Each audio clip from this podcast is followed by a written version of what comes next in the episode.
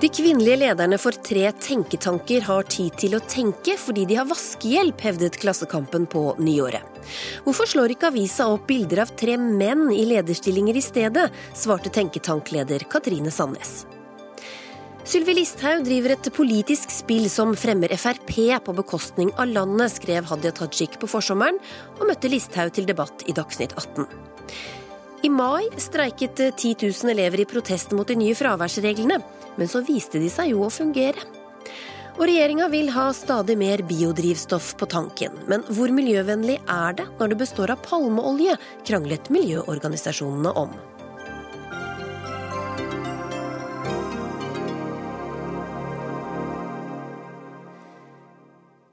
Den neste timen får du høre noen av høydepunktene fra Dagsnytt 18 i første halvår i 2016. Jeg heter Linn Beate Gabrielsen. Også i år ble det bråk på parolemøtet til 8. mars-toget i Oslo. Tre kvinner fra Venstre foreslo nemlig å fjerne parolen 'Håndhev sexkjøpsloven'. Da svarte Kari Jakkesson i kvinnegruppa Ottar slik. Da må jeg få lov å adressere det forslaget om bordeller, og vil anbefale en liten studietur til Belgia og Tyskland for å se hvor nydelig det foregår i disse ordnede formene. Og så syns jeg og så syns jeg at du skal prøve å suge pikk ti ganger i eh, døgnet et helt år for å se hvor gøy det er å selge sex. Nei, det er sexkjøp. Sexkjøp handler ikke om en festlig, abstrakt idé om at man har rett til å gjøre hva man vil med kroppen sin. Det var lyd fra Radio Nova og programmet Kvinnesaken vi hørte her. Amanda Skei, du er leder av Norges Venstrekvinnelag og var til stede i går. Hvordan opplevde du det som skjedde? Vi var tre liberale feminister som dro på parolemøte for å bidra til konstruktiv debatt. Så kom eh, en jente fra Unge Venstre med et forslag om å fjerne den parolen om sexkjøp og bytte inn med noe annet. Eh, og konsekvensen av det var at vi rett og slett følte at vi ble hetsa ut. da. Vi fikk slengt etter oss eh, dere burde begynne å jobbe på bordeller. Dere burde prøve å suge ti pikk hver dag og se hvor gøy det er. Det, vi følte oss ikke noe velkommen, og vi følte ikke at dette at man prøver å bidra til en brei feministisk bevegelse, som vi tror er helt nødvendig for å nå målene om full likestilling. Kari Jakkesson, du er også medlem i kvinnegruppa Ottar. Mener du at de burde tålt det svaret vi hørte en liten del av her? Eh, jeg var ikke klar over at det var mindreårige til stede på det møtet. Hvis jeg hadde visst det, så hadde jeg nok eh, ordlagt meg annerledes. Det var en 17-åring? Eh, ja, det var en 17-åring. Og hun har ringt i dag og snakket med og beklaget den harde ordbruken. For det hadde jeg nok. Absolutt. Men samtidig så syns jeg det er ganske spesielt at man ønsker å innføre bordeller i Norge at man ønsker å ikke håndheve sexkjøploven. Altså det er en lov vi har som kriminaliserer de som kjøper sex og som driver markedet. Eh, og jeg syns det er påfallende at man kommer på et 8. mars-møte og ikke forstår at det vil vekke reaksjoner om man går inn for bordeller. Og man ønsker ikke å høre noe om hva som skjer i bordeller. Og man ser heller ikke for seg at man selv skal være den som betjener kunder på, på bordeller. Det er det de andre som skal gjøre. Men syns du det er en OK inngang til eh, kvinnekampen å, å si til noen direkte, altså som du ser om de var 17 eller 18 eller 19, er ganske unge da uansett, og kanskje er der for første gang, hva vet jeg, og at de burde da prøve å suge pikk, som du sier til dem da? Vel, um, det jeg ser er at disse såkalte liberalistiske feministene, de um, ser kanskje på feminisme som et selvrealiseringsprosjekt. De er også mot, de også, og de nedbestemte alle paroler som hadde med arbeidsliv og likestilling å gjøre. De mente at stopp pornokulturen var for røft uh, ordbruk. Og jeg syns det er ganske rart at man syns at ordet porno er støtende, men man ønsker bordeller. Altså Det er ting som ikke henger helt sammen her.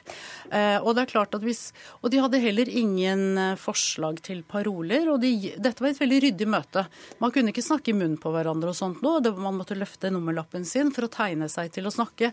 Så det var jo veldig mange andre innlegg mellom disse. Mm. Men jeg var veldig følelsesmessig opprevet. Eh, jeg, jeg, var sjokkert, for jeg hadde aldri trodd at jeg ja, Det var mitt første 8. mars-møte også, jeg har ikke vært på et sånt før. Men jeg hadde aldri min villeste fantasi tenkt at her kommer det at man er uenig. Kvinnebevegelsen har alltid slåss innad, det er, helt, det er ikke en sånn koseklubb. Men at jeg skulle støte på et sånt argument når man etter så mange års hardt arbeid har fått en lov som kriminaliserer kjøperne, da hadde jeg aldri Jeg, jeg hadde rett og slett rødt utslett på hele brystkassen. Ja. Runa Fjellanger, du er sentralstyremedlem i Rød Ungdom, og du er jo enig med Jakkesson i sak, altså i synet på sexkjøploven. Mm. Men hva syns du om ordbruken? Mm. Ja, vi, er, tenker at vi trenger feminisme, eh, og vi trenger å samarbeide eh, når vi jobber med feminisme. Og da syns jeg det er veldig synd da, at Kari Jakkesson ikke bare støter bort Unge Venstre, men også vi som er enige med henne i saken, med den oppførselen. Og for meg så er det en sånn enorm kontrast da, mellom måten vi snakker om feminisme i Rød Ungdom, og måten man gjør det på 8. mars-komitémøter. Jeg gruer meg eneste år. Fordi det overrasker meg ikke at noen blir bedt uh, om å prøve å suge ti pikker i, døgnet. Uh, og det er så annerledes enn hvordan man ellers tar den debatten, da. Og jeg vil bare si at, for jeg synes det er viktig, og grunnen til at jeg syns det er viktig at jeg også er her, da, uh, er jo det at Kari Jaksson representerer ikke min feminisme eller RU sin feminisme eller venstresidas feminisme når hun sier sånn. Da må det stå for sin egen regning. Men det er jo et innlegg i en debatt hvor Kari Jakkesson da snakker om hva det faktisk handler om. Hadde det da vært greit hvis hun bare brukt, pakket det litt mer inn, brukte litt mindre grove ord eller uh, eksplisitte vendinger? Problemet er at dette er ikke langt fra den typen ytringer kvinner opplever i kommentarfeltene. Der er det som oftest bare sug pikk, men det er kanskje enda kjipere da, for å høre fra en annen feminist at du skal prøve å suge ti pikker hver dag. Og jeg tenker at vi veit bedre. Uh, og jeg tenker at Kari Jaksson vet nok om hersteknikkene til å vite at det er paradoksalt at de samme hersteknikkene vi jobber mot ellers, skal vi bruke mot hverandre. Det ble hentet frem. Eh, hva er det du heter? Unnskyld, jeg husker ikke navnet Amanda ditt. Amanda Hun var veldig opptatt av Hennes første innlegg handlet om at her må vi alle være enige og finne paroler som alle kan stille seg bak. Fred på jord osv. Det er ikke det 8. mars handler om. Det finnes en rekke arrangementer på kvinnedagen 8. mars er et eget arrangement, og der parolene skal stille krav. Og som regel løfte frem vanskelige saker. Så det å innbille seg at man skal nå bli, alle skal bli venninner og være enige, det er helt urealistisk og ikke nødvendig i det hele tatt. Det har alltid vært kamper. Men så er det også det at eh, eh, de Nei, nå mistet jeg litt tråden. Unnskyld. Du kan tenke deg om mens jeg svarer. Ja. Ja. Jeg bare si sånn, Når man kjemper for stemmerett for kvinner, så var det en brei politisk bevegelse, og vi trenger det hvis vi skal Men det er veldig overordna. Her er det jo mange ulike politiske men, unnskyld, meninger. Må jeg få lov å bare si en ting? Unnskyld, hvis du tillater. Det var nemlig mange kvinner som ikke var for stemmerett for kvinner. Så man må jo ikke tro at her har alle vært enige om alt. Tvert imot. Mm. Retten til selvbestemt abort anses i dag for en viktig rettighet for kvinner. Det var, slett, det var mange kvinner, spesielt okay. på høyresiden, som var mot det. Ja, er, det det. er det det at du ikke ville ha den politiske debatten? Eller? Nei, nei, nei. Jeg bare sier at jeg vil altså, man må prøve å bli enig og snakke om de tingene man er enig om. Altså, Måten du kommer med de uh, uttrykkene du uh, kommer med uh, Du er med på å gjøre at det er vanskeligere for kvinner å være med i Kalle seg feminist og være med i politikken. Du på en måte undergraver hele prosjektet til feminismen. og ja, Det er mange som føler seg støtt. Jeg tror ikke du oppnår det du vil når du sier sånne ting. Det er helt sikkert noen som føler seg støtt, og det er til og med helt sikkert noen, deriblant kanskje du, som ble eh, lei seg. Men jeg hørte lydloggen, jeg hørte alt jeg sa, her hørte vi jo bare et utdrag. Så vil jeg si at det å si at man ble trakassert eh, Trakassering det er noe helt annet. Det er en gjentagende personlig, et personlig angrep. Hvis man mener at det er et personlig angrep, at man blir bedt om å utføre de handlingene man gjerne vil at andre skal utføre.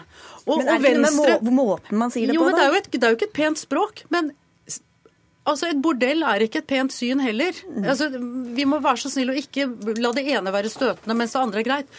Og, og hvis man ønsker at det skal bli bordeller, nei, altså, mener man ikke, Nei, jeg Vel, kommer fra Norges Venstre Den, jeg, den personen jeg responderte på, det finnes ja, også på okay. lydlogg, tok til ja. orde for bordeller. Ja, vi, var, vi, var, tre ulike folk der, og det, de fra mm. Unge Venstre de har helt lov til å mene det. Også det er helt legitimt å ha det synet. Ja, og det er helt, Da må man også forvente å få motytring. Okay, vi får høre med Fjellanger. Ja. Uh, for jeg syns jo det er litt dumt at det settes en sånn motsetning mellom det å skulle Enten så skal man ville være venninner, eller så skal man ha den typen liksom, Texas-type debatt som var i går. Da. Det var ikke Texas Fordi det handler jo og, og, som er hvert eneste år. Den kjipeste debatten jeg deltar i, og jeg sitter i skoledebatter, er 8. mars-parolemøtene. Det har vært kjipt i flere år. Man opplever I fjor så er det, og det er et lite eksempel, men fortsatt et kjipt eksempel, at det sitter en voksen dame og himler med øynene og slår seg i panna når jeg snakker. Jeg kan si imot det. For meg er ikke det vanskelig å si at jeg synes du som et voksent menneske som veit hva en hersketeknikk er, skal la være å bruke det. Men hvis vi vil at det skal komme 15-16-17-åringer på disse møtene, også ikke fra Unge Venstre, men også f.eks. fra Rød Ungdom, da, så må vi lage mer inkluderende Hvorfor møter. Hvorfor er det blitt sånn da, tror du? Det lurer jeg også på. Uh, fordi jeg klarer jo fint uh, å være for sexkjøploven uten at jeg hetser Amanda av den grunn. Og seksuell trakassering, dette er jo seksuell trakassering å be noen gå og suge pikk. Det er jo det. Og det syns jeg er litt dumt, at man liksom skyver det under teppet og later som det ikke er så seriøst som det er. da. Det for det er klimaet som er nå. Da kan ikke jeg si til 15 år gamle jenter i ungdom at jeg vil at de skal bli med på parolemøte neste år, hvis det er sånt klima. Det var jo selvfølgelig ikke en konkret oppfordring. Såpass må man eh, i hvert fall altså, Det vet jeg at dere forstår. Men hvordan ville du følt det da? Hvis noen snakka sånn til deg? Det vet jeg ikke. For jeg ville aldri tatt til orde for å åpne bordeller. Jeg syns at prostitusjon er en kreft i samfunnet. Det er så nedbrytende. Og jeg syns det er synd at rød ungdom Og det legitimerer at du skal uttale deg Det kan man sånn, selvfølgelig diskutere. Men, men jeg syns at det er vel Bare et lite mm. om du tillater. Eh, jeg syns at det er så trist at f.eks. Rød Ungdom de går gjerne på lag med Fremskrittspartiet bare for å liksom Ja, etter hva jeg har blitt fortalt. Jeg skal ikke gå god for det, men, men hør her. Poenget er bare at feminisme er Det er ingen fasit på feminisme. Jeg deler mm. ikke feminismen til Unge Venstre, og jeg er kommer til å slåss mot prostitusjon og porno så lenge jeg lever. Ok, Kommer dere til å dukke opp neste år da, tror du? eller? Ja, vi må jo fortsette å ta kampen. Men jeg mener det er viktig at så mange som mulig kaller seg sjøl feminister. Veldig, veldig ja. kort. Ja. Jeg skal si at jeg syns uh, at til neste år da, så hadde det vært fint om ikke 8. mars-saken ble en sak om hvor kjipt det er for parolemøtet, men heller om noen av de viktige tingene vi jobber med. Fordi det er så mye som er verdt å være feminist for, vi som ikke er den dritten her. Vi må avslutte med tusen takk for at dere kom alle sammen, Kari Jakkesson, Amanda Skei og Runa Fjellanger.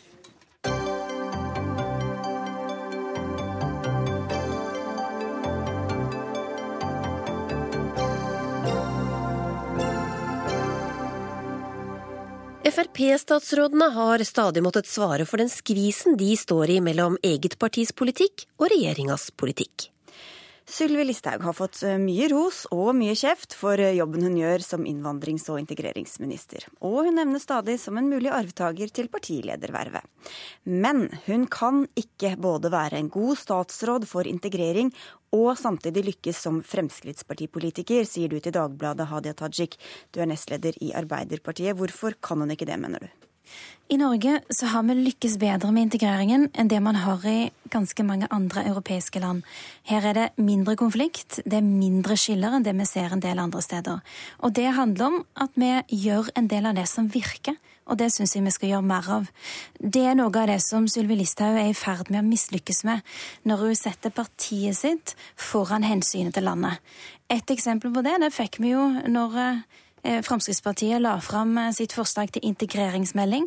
Det tok lang tid å få den. Når den til slutt kom til Stortinget, så var den blotta for tiltak.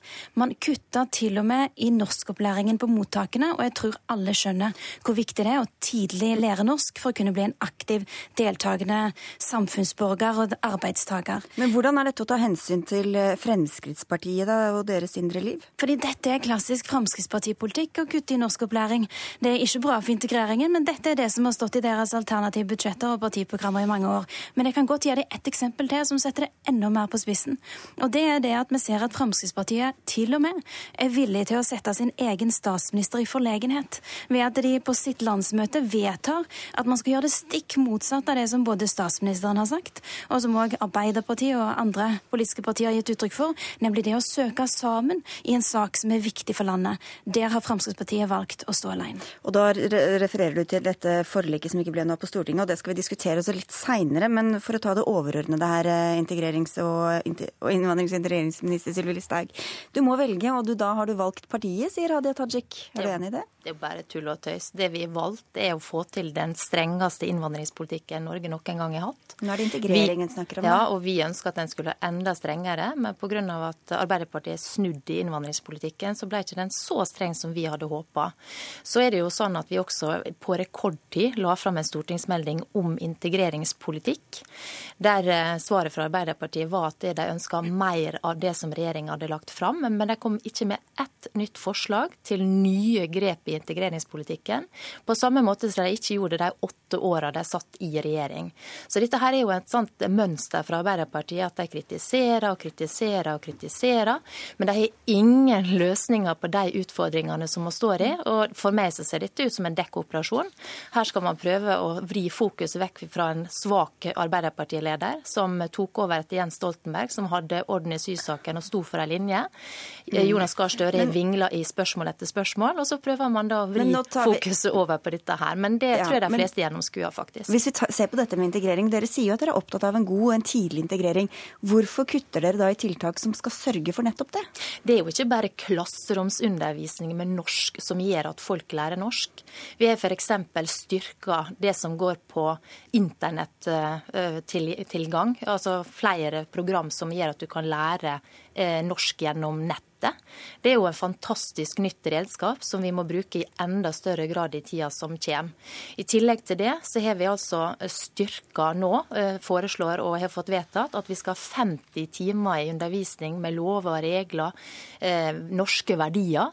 Altså, Hadia Tajik og Arbeiderpartiet satt i regjering i åtte år med rent flertall. Løfta ikke én finger for å lære de som kom til landet, faktisk hvilke lover og mm. regler som gjaldt her.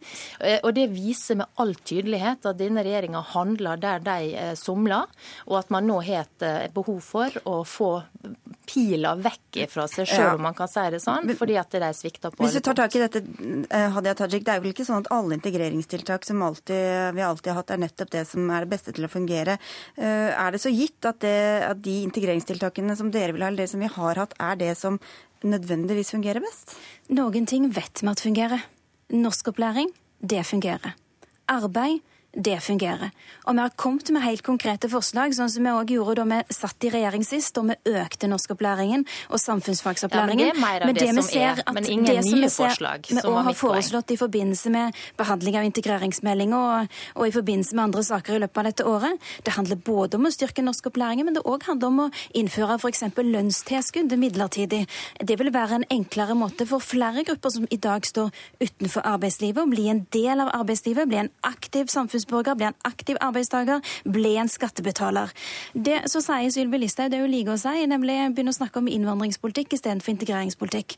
Da vil jeg understreke at de aller fleste forslagene som regjeringen la fram knytta til innvandring, de ble jo faktisk vedtatt av eh, Stortingets flertall. De forslagene som ikke ble vedtatt, det er de forslagene som handler om å regulere innvandringen på en måte som går direkte utover integreringen. Men mener du at Frp ikke ønsker integrering innerst inne? Hva de ønsker inni sitt hjerte, det får de nesten svare på sjøl. Jo, men jeg, det ligger vel litt mellom linjene i det du sier? Ja. Jeg, vil ikke, jeg, vil, jeg, vil ikke, snakke om hva de føler i sitt hjerte, det får de snakke om sjøl. Det jeg ser, er at den politikken de fører, med kutt i norskopplæringen, med ingen virkemidler for arbeid, med bare prat, og det å skifte tema over til innvandring i stedet for integrering, som jo dette faktisk handler om, de som bor i Norge, de som kommer til å være i Norge, ikke bare i mange år, men i generasjoner, hvordan man faktisk sørger for at de blir stilt de samme kravene til. og får de samme mulighetene som alle andre. Og Der altså- ser vi jo i innvandringspakken som de la fram, de tiltakene som der ble stemt ned, det var de mm. som hadde en direkte hemmende effekt på integreringen. Som f.eks. at uh, folk som får opphold i Norge, at de må sette livene sine på vent i tre til fem år. Der de uh, i det hele tatt bare skal sette en pauseknapp på livet i stedet for å bli aktivt integrert. Men prater de jo Arbeiderpartiet seg føre med i alle år. Og grunnen til at vi har noe som heter krav i Norge når det gjelder innvandrere som skal integreres, det er det jo Fremskrittspartiet som har drevet fram. Jeg husker jo langt tilbake i tid da det var fy-fy, f.eks. å si at innvandrere skulle lære seg norsk. Det er en linje som er kjempa fram av Fremskrittspartiet. Og denne regjeringa har gått videre på det ved å sette mer krav f.eks. til innvandrerkvinner. Og der vil jeg gi ros til Arbeiderpartiet for sånn sett å være med på den ferden, at vi må stramme inn grepet knytta til det. Men de kuttene som Hadia Tajik eh, nevner da, er du enig i at det kan eh, gjøre det vanskeligere å integrere ved å ikke videreføre eller ikke øke innsatsen på de f.eks. språkopplæring? Det står jo ikke og faller på antall norsktimer timer. Dette er jo et mye større og mer komplekst bilde. Husk på det at mange av de som kommer til Norge, de er analfabeter. Jeg har vært og besøkt et klasserom der de drev undervisning i det. Det er en meget omfattende opplegg, der du kan si at noen få timer norskopplæring på et asylmottak neppe er det som fører fram. Så du mener at det rett og slett ikke har fungert alene, sånn som det har vært? Nei, det selvfølgelig har ikke det fungert godt nok. Det er jo derfor vi nå har fått eh, gjennom en integreringsmelding med masse gode forslag, som også Arbeiderpartiet støtter opp om mange av dem, nettopp fordi vi ser det ikke har fungert. Men det som er poenget Hva sier forskningen? Hadia Tajik sier at det, at det virker. Hva viser jo, forskning om hva som fungerer og ikke på integrering? Nei, Det vi ser er at for mange står utenfor arbeidslivet. Derfor har vi jo lagt til, til grunn arbeidslinja. Det at innvandrere raskere skal ut på en arbeidsplass, lære det norske arbeidsmarkedet å kjenne. Men det som er problemet med Hadia Tajik sin politikk, er jo det faktum at innvandringa til Norge blir større med de forslagene som de har stemt gjennom i Stortinget, f.eks. på familiegjenforening. Og antallet som kommer og skal integreres, ja. vil ha en konsekvens for hvor godt man lykkes med integrering. Og det har jo nå et eh, samla storting så å si vært ja, enig i. Jo, men det er en sammenheng. Hvor mange som skal integreres, hvor godt man gjør det.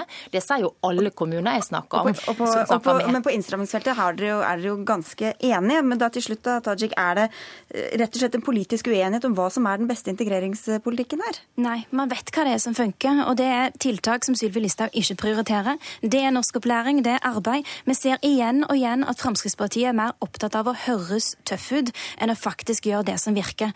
Under Sylvi Listhaug sin vakt så er det rekordmange på asylmottakene. Ventetidene til UDI har økt. Folk sitter, det er noe sammenheng med den invitasjonen som dere sendte bl.a. på landsmøtet deres i trenger de verktøyene de trenger for å delta. For dette her er et marked som er styrt av signal. De signalene dere sendte i fjor, det bidrar til at mange kom hit. Og når det er sagt, så mener jeg også at i denne diskusjonen Kan det ha med krig og konflikt å gjøre også, kanskje? Ja, det også. Men det er noe å si. Og det vil si at her prøver man på en måte å stemple statsministeren som svak. Ei dame som har utrolig god peiling på Nei, dette området. Det hun nevnte var at Erna eh, Solberg har reagert på at, eh, at, Frp i forbindelse med asylinnstrammingene har prioritert partistrategiske interesser framfor nasjonens interesser ved å ikke gå inn på et bredt forlik. Så det er jo ikke bare Arbeiderpartiet, men det er også deres egen statsminister da, som er misfornøyd. Vi har et veldig godt samarbeid, og én ting skal jeg bare si alle sammen, at hun er en av de i Norge som har mest kunnskap på dette området. Det er en stor styrke for regjeringa, det er en stor men, styrke for meg. Men hun var ikke helt fornøyd med deres opptreden i denne saken? Vi har et veldig godt samarbeid. Og så skjønner jeg at Arbeiderpartiet prøver å, eh, å, å for så vidt angripe henne for å skjule det faktum at de har en svak leder, som dessverre også har skifta kurs. Var, ja, okay. Vi skal videre diskutere denne mulige strategien fra Fremskrittspartiet, men ikke med dere, for du ville ikke være med på det, Listhaug. Eller vi skal få inn en annen fra Fremskrittspartiet. Takk skal dere ha, Sylvi Listhaug og Hadia Tajik.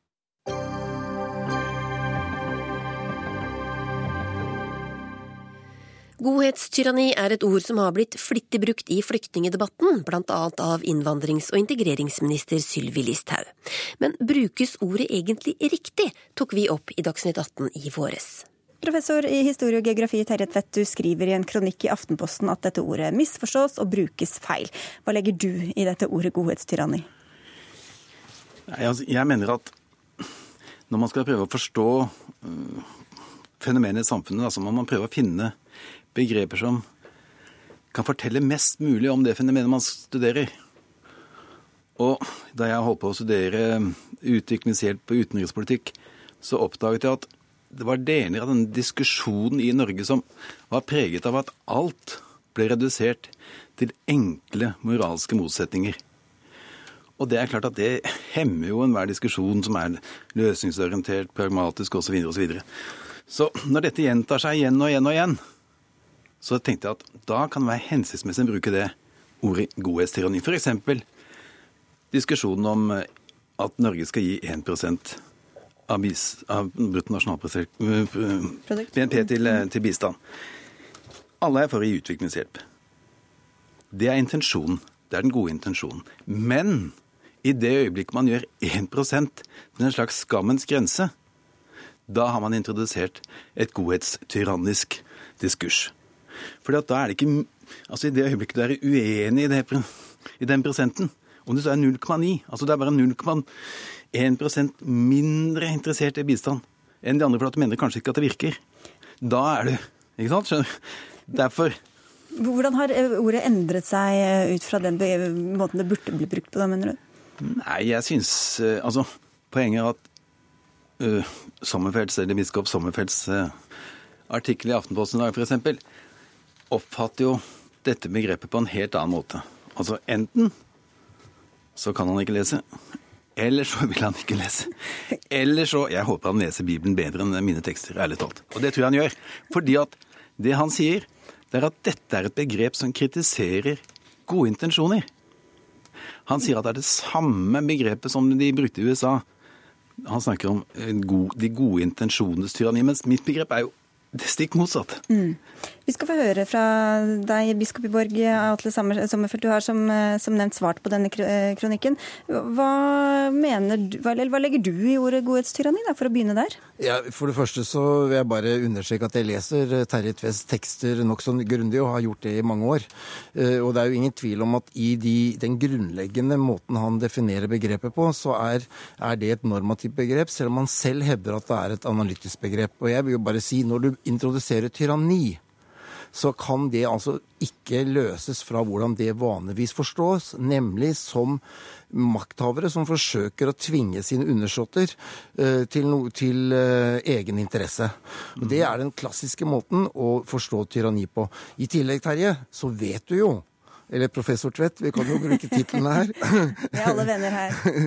Så, så, er det jo slik at uh, i maktutredningen og i en rekke andre ting du har skrevet, så har du jo nettopp hevdet at f.eks. utviklingspolitikken i Norge er dominert av de gode intensjonene. Så du kan ikke, uh, du kan ikke komme unna at ditt begrep bruker du selv som et moralsk begrep.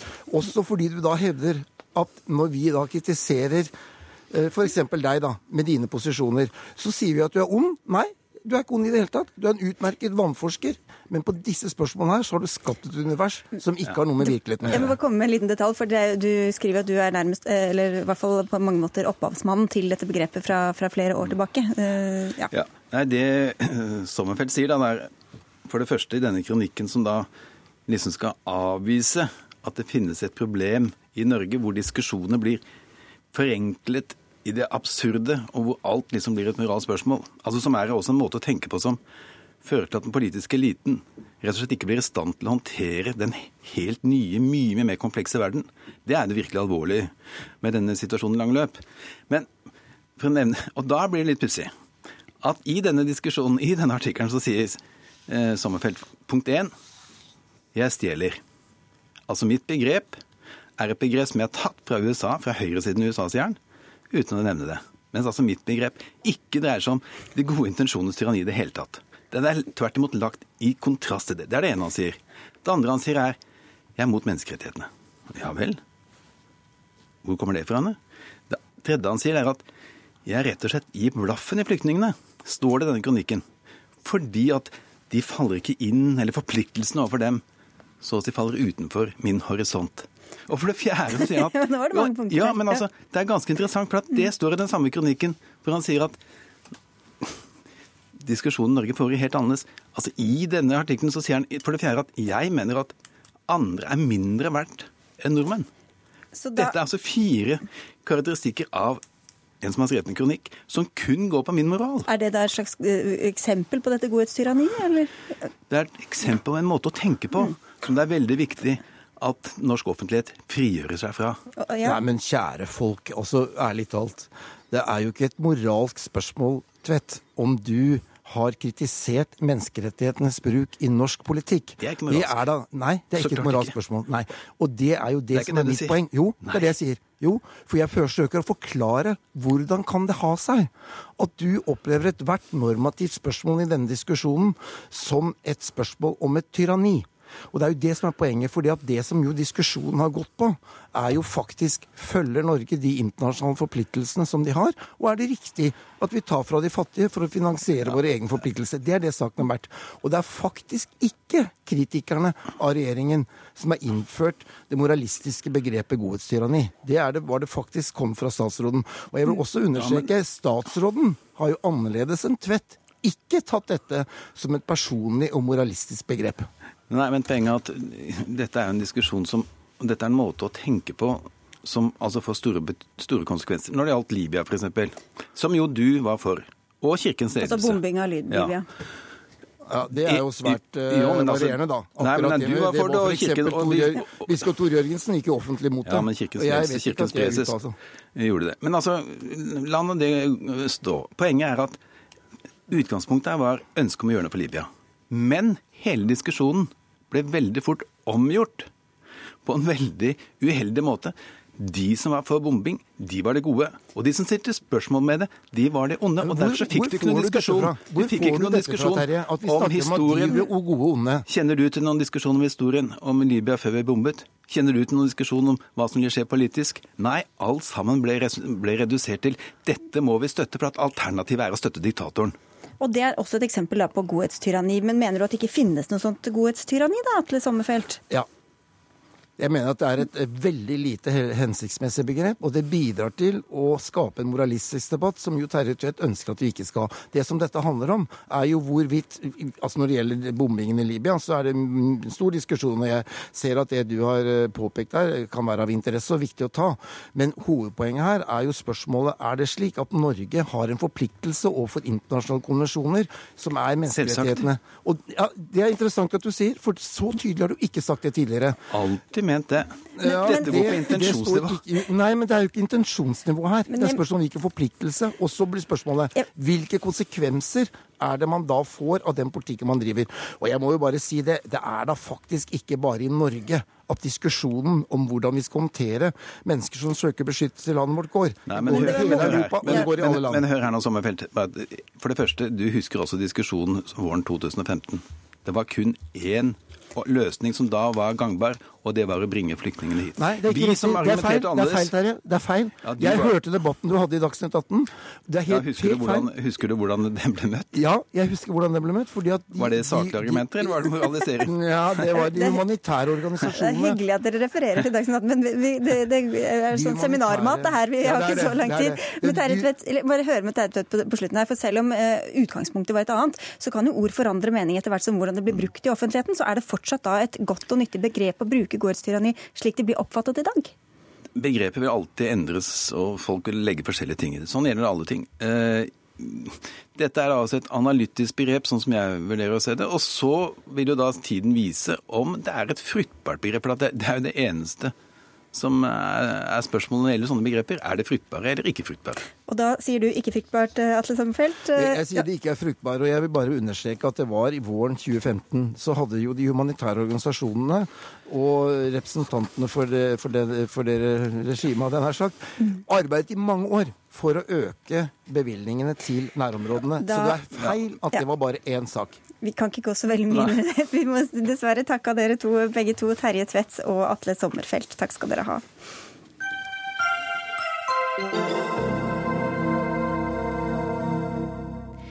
I mai streiket over 10 000 elever mot de nye fraværsreglene i videregående skole.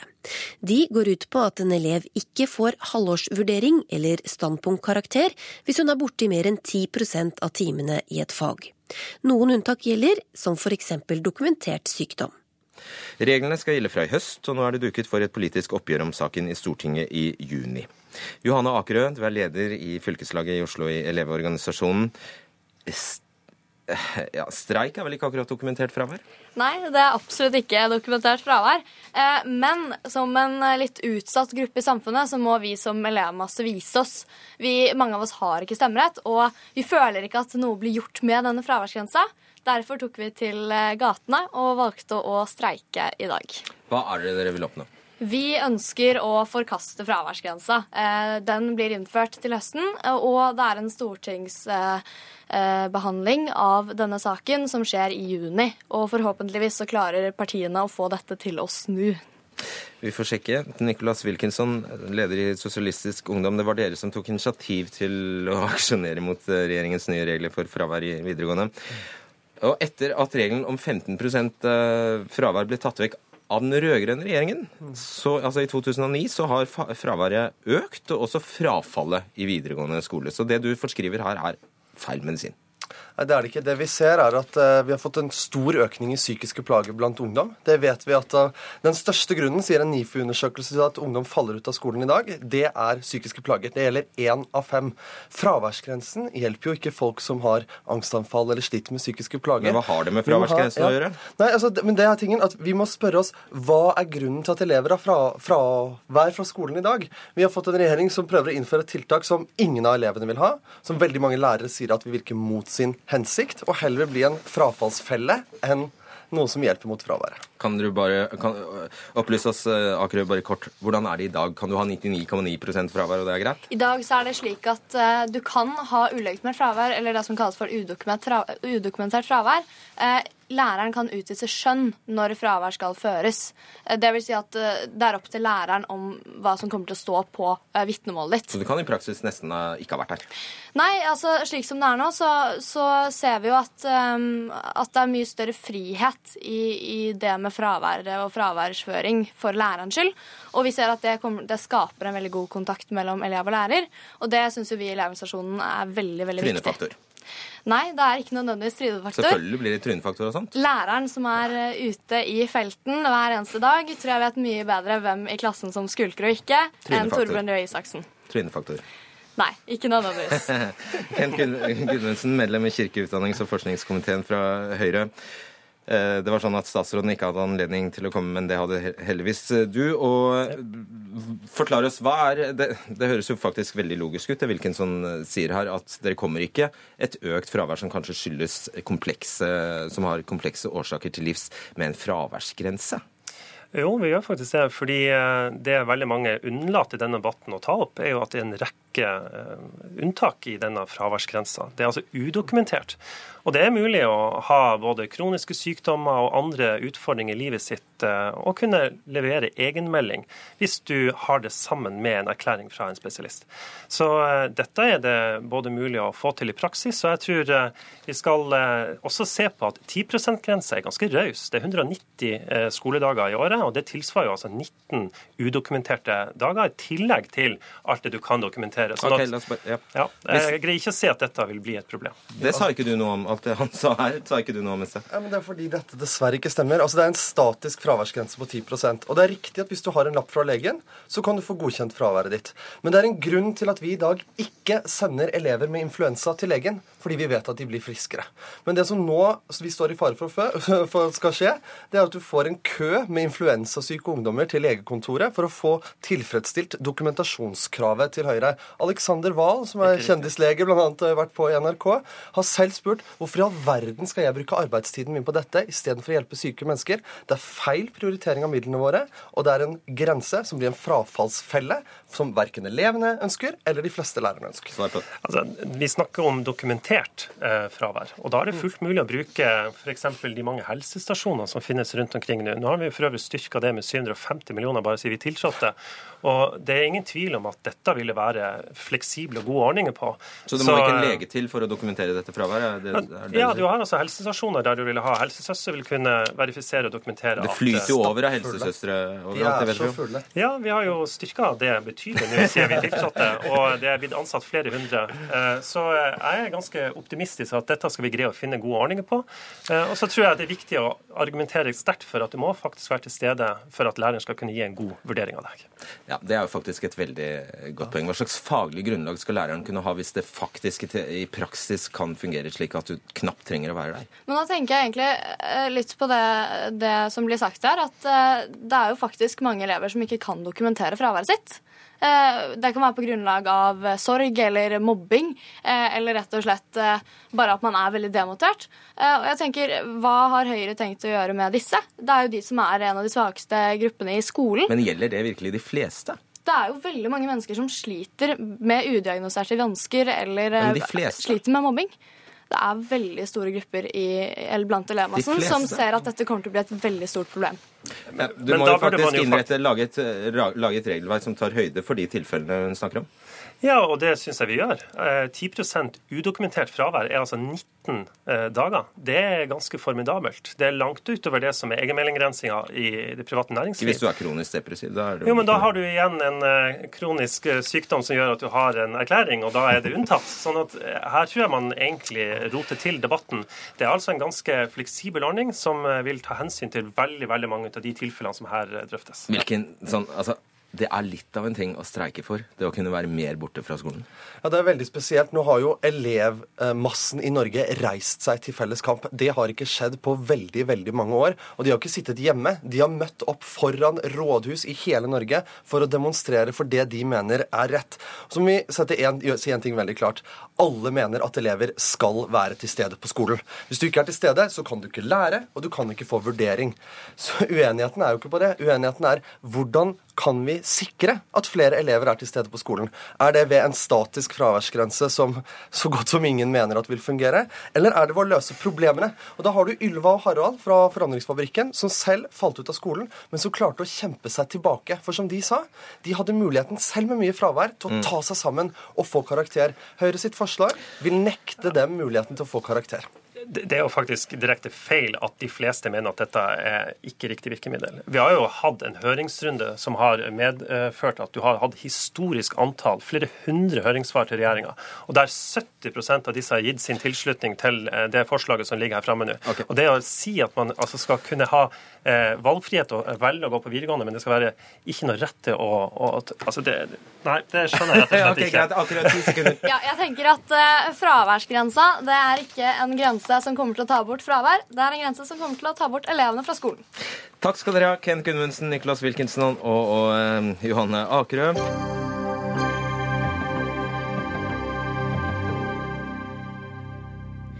Men så viste det seg i løpet av høsten at fraværet faktisk gikk ned. Da vi endelig ble kvitt den miljøfiendtlige palmeoljen i maten, så sørget politikerne i flere omganger for at vi nå fyller opp drivstofftanken med palmeoljeprodukter. Miljødirektoratet har klassifisert palmeoljeproduktet som et avfall, hvilket betyr at det slipper alle bærekraftkriterier og blir dobbelt så gunstig å bruke. Og da dør regnskogen, hevder Regnskogfondet. Holger Schlaus-Pitz, fagsjef i Naturvernforbundet. Hva er det verste med det NRK har fortalt det siste døgnet? Ja, det er jo for det første konsekvensene for regnskogen og eh, det som det har å bety for klimagassene. Altså Det er enorme mengder med CO2 som er bindet i regnskog. Og når palmeolje brukes, så øker det presset på regnskogen, slik at det er stor grunn til å frykte at det har ført til store CO2-utslipp der. Er det som skjer nå en direkte konsekvens av eh, stortingsvedtaket om økt såkalt omsetningspåbud av biodrivstoff, altså at det skal blandes inn mer biodrivstoff? Ja, så Det er jo to ting som Stortinget gjorde. Det var å sette ned veibruksavgifta på biodrivstoff eh, over en viss innblandingsprosent. Og så var det jo da dette påbudet som du refererer til på 5,5% som nå skal blandes inn. Og det er klart at det har økt presset på eh, på altså behovet for biodrivstoff i Norge. Og det er jo da en, et resultat det vi ser nå av det, ja. Så Stortinget har gjort en feil? Jeg mener at eh, det Stortinget har gjort er litt naivt, fordi eh, debatten om biodrivstoff har vi hatt i mange år. Vi har visst at biodrivstoff har potensielle negative følger for matvareproduksjon på palmeolje og regnskog. Dette har vært en kjent del av debatten i flere år. Sånn at eh, det er, det er, nesten litt overraskende at det ikke er blitt gjort mer for å hindre at det som skjer nå, har skjedd. Visste du? Jeg visste det ikke. Da er jo du også naiv. Vi har vært skeptiske til biodrivstoff eh, i eh, sånne mengder som dette her. Vi var ingen pådrivere for det her. Vi eh, mener at biodrivstoff er en del av løsningen, men i en mye mer moderat og forsiktig form. Det sitter en pådriver ved siden av deg, Marius Holm, daglig leder i Miljøstiftelsen Zero. Hvor mye krefter og tid og energi har du brukt på å lobbyere for å overtale politikerne til nettopp å øke dette omsetningspåbudet? Det har Zero brukt eh, mye tid på.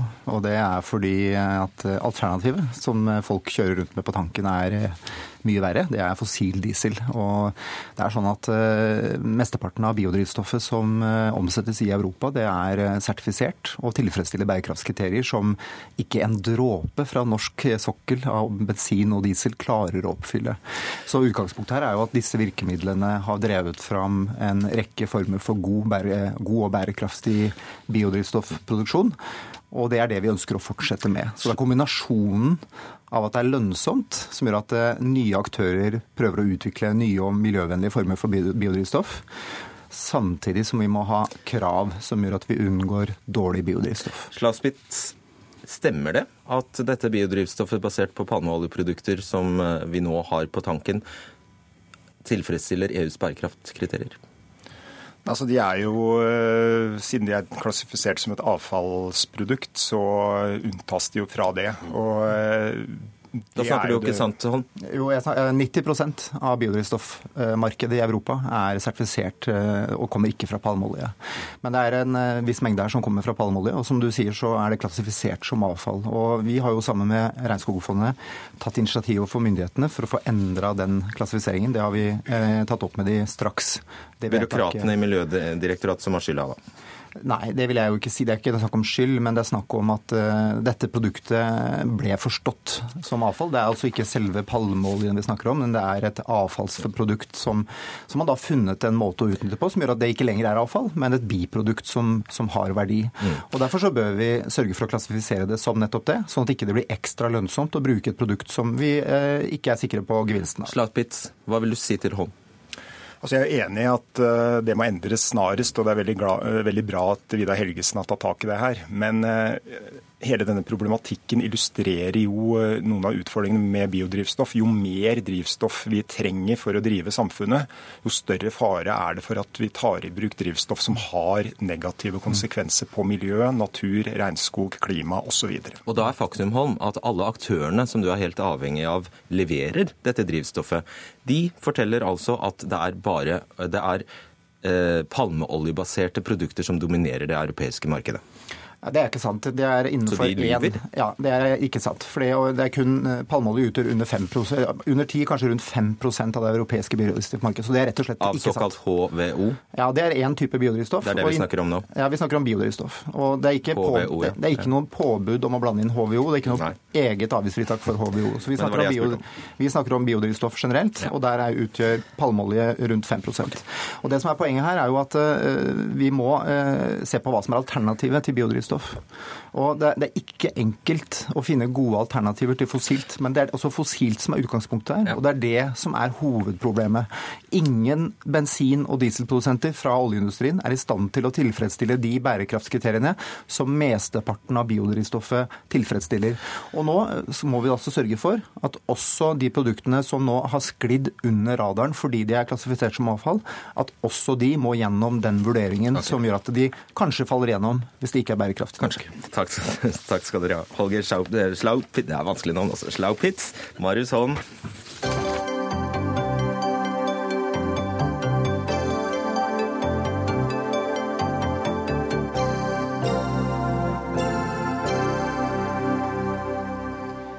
Klassekampens vaskehjelpoppslag var også en sak som skapte bruduljer på vårparten tenker mens andre vasker. Ja, Det skrev Klassekampen på forsida, lørdag, med bilde av lederne i Norges store tenketanker, Kristin Clemet i Civita, Katrine Sandnes i Manifest Analyse og Marte Gerhardsen i Agenda.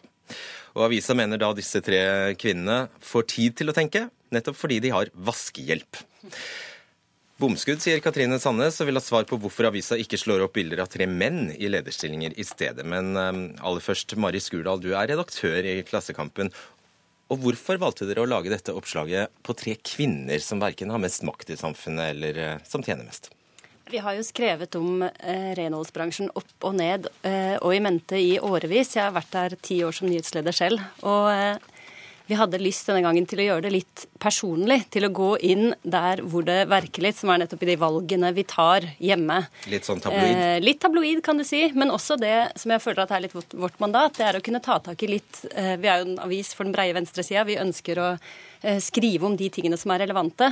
Og en ting som er relevant, er at akkurat dette spørsmålet med de utrolig dårlige forholdene i renholdsbransjen griper jo også hjem i hverdagen vår etter hvert, fordi veldig mange har vaskehjelp. Dvs. Si ikke så veldig mange, men i et visst lønnssjikt så begynner det å være én av tre når det kommer over en million. Så hvorfor kvinnene? Eh, egentlig så hadde vi jo mest lyst til å ha Katrine Sandnes og mannen hennes, Aslak Sira Myhre. Eh, litt av grunnen til det er at de er profilerte på venstresida. Vi visste også at de hadde vaskehjelp og hadde lyst til å snakke med dem om hvilke vilkår det var under. Det var sånn tipset begynte, eller? Det var det tipset ja, de ville De var et godt eksempel, liksom. De skriver jo mye om, eh, om rettferdighet, om anstendige arbeidsforhold, om ansettelser, om viktighet altså, Så du sier det er tilfeldig at det var tre damer som havnet på forsida her? Ja, så ville ikke de det. De har en greie på at det ikke skal være eh, paret skal ikke stille opp som par i avisa på den måten. sånn at da tenkte vi ja, ja, hvordan er det med de andre tenketanklederne? Eh, og for å være helt ærlig, så er de kvinner, da. Det er de. Det, men vi tenkte først og fremst på de som ledere av tenketankene.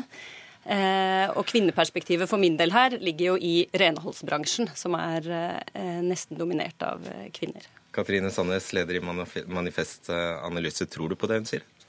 Altså jeg tror det er en, det er en grunn til at, uh, til at man, denne tanken kommer opp mye fortere når det er tre kvinnelige ledere enn det, enn det er når det er tre mannlige.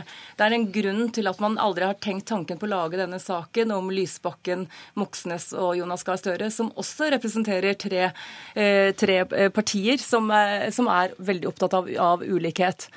og så er det... Ja, Hva er den grunnen?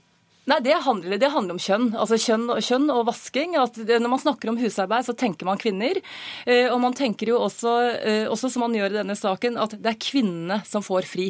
Vi, vi får fri til å tenke, som er en helt absurd motsetning å sette opp mot det å vaske, som om folk som vasker, ikke tenker.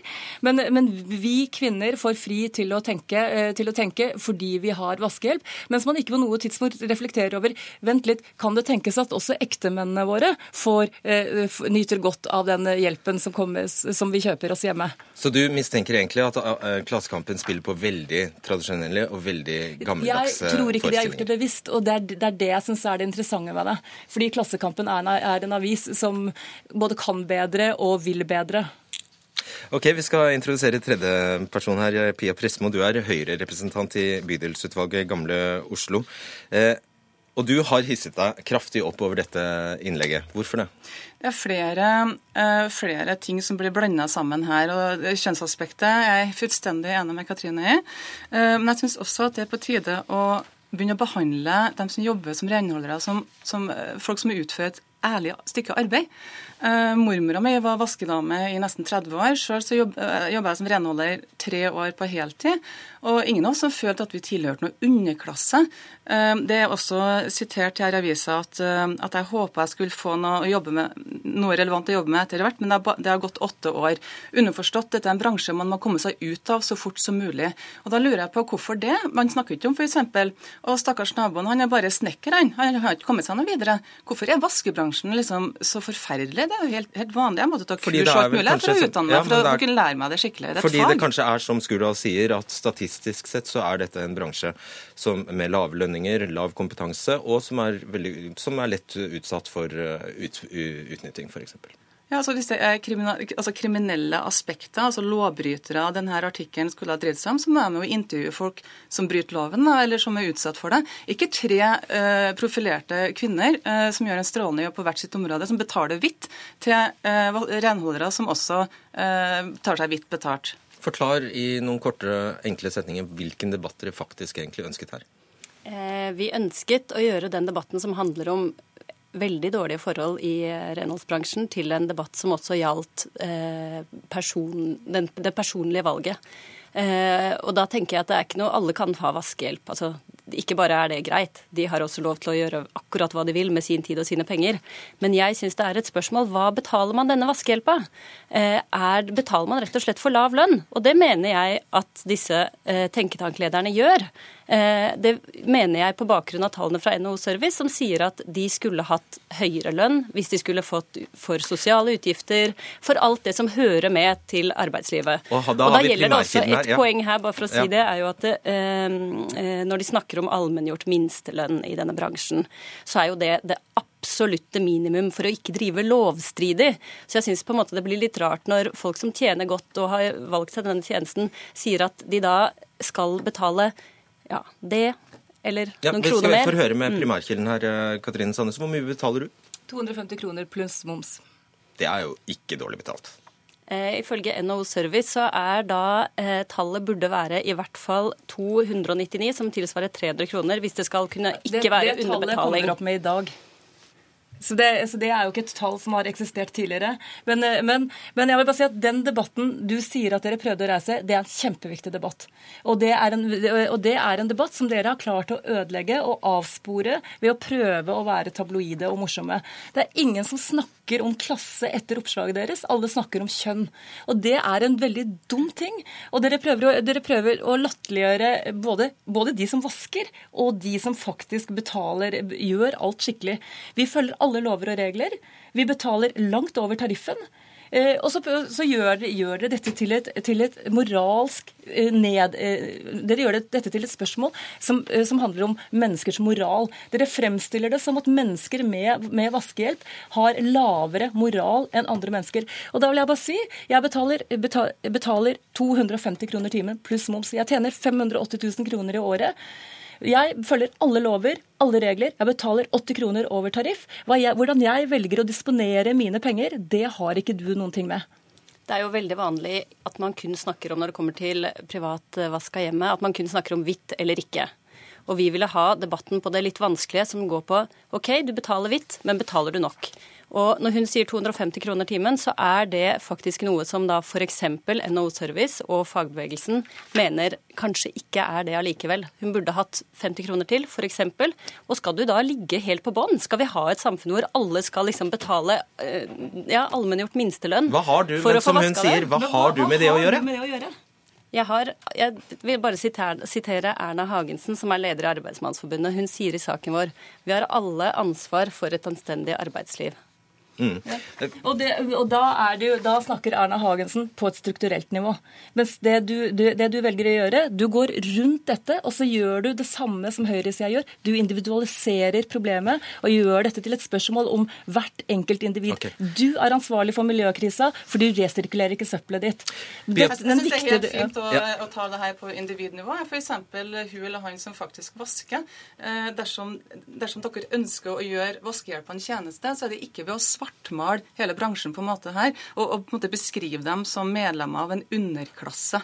Det syns jeg er så utrolig frekt. Og hvorfor kan man ikke være renholder et helt liv? Hvorfor må man på død og livs komme seg ut av det her? Veldig mange av mine venner har master i statsvitenskap. De har søkt på hundrevis av jobber som de ikke har fått, og, jobber i dag i irrelevante jobber i forhold til utdanninga si. Da må de kanskje utdanne seg innen noe annet, da. Og hvorfor ikke som renholdsarbeider? Hvorfor er det liksom Det, det, det er veldig sånn ovenfra nedholdning til renholdsbransjen her, som er det grunnleggende prinsippet. Og du kan vel i det minste skule når, når, du hører reaksjonene her, innrømme at uh, dere klarte ikke å oppnå hensikten her? Vi, det vet jeg ikke. Vi har litt sånn delt leserskare. Så det vi merker er jo at uh, vi får noen som blir veldig sinte pga. Av, av at de tre lederne i tenketankene er kvinner. Eh, vi har også veldig mange, bl.a. fra fagbevegelsen, som sender inn og er sjokkert over eh, hvilken timelønn som eh, disse vaskehjelpene får. Kan jeg bare stille deg et siste spørsmål? Mener du det ligger vel Man kan få inntrykk av at det ligger under her en, en oppfatning fra deres side om at ved å benytte seg av denne typen tjenester, så sementerer en klasseskiller, og at det er ikke noe lederne for progressive tenketanker skal drive med? Det tror jeg ikke, egentlig. Det som jeg tror er viktigere, er å se på den historiske utviklingen, hvor du ser at i tider med høy ulikhet i samfunnet, så, denne, så tar denne type tjenester av. Og Det har vi sett de siste ti årene. Er det sånn du leser det? Unnskyld, hva sa du? Leser du det som at det er en kritikk av at du bare ikke skulle ha gjort dette i det hele tatt? Altså, jeg mener at det er, men det er en reell uenighet på venstresida. Eh, den ene som jeg, som jeg tilhører, handler om å øke eh, lønnsnivået og pensjonsnivået og arbeidstakerrettighetene for alle, enten de vasker hjemme eller om de vasker bilen. Eh, men andre, den andre posisjonen er jo de som mener at man nesten er sagt, uansett hva vaskehjelpen hadde tjent, og nesten uansett hvilke lønns- og pensjonsvilkår eh, og arbeidstakerrettigheter vaskehjelpen hadde hatt, så er det likevel moralsk galt å vaske. Fordi man, som Kristin Halvorsen avfeide denne debatten med i 2008, eh, fordi man ideelt sett bør vaske møkka si sjæl. Men det er det stadig færre i Norge som gjør. Og da, og da mener jeg da er det et felles ansvar. Det felles ansvaret, det ligger i å jobbe for bedre arbeidsvilkår. Nesten evig debatt, dette. Takk skal dere ha, Mari Skurdal, Katrine Sandnes og Pia Presmo.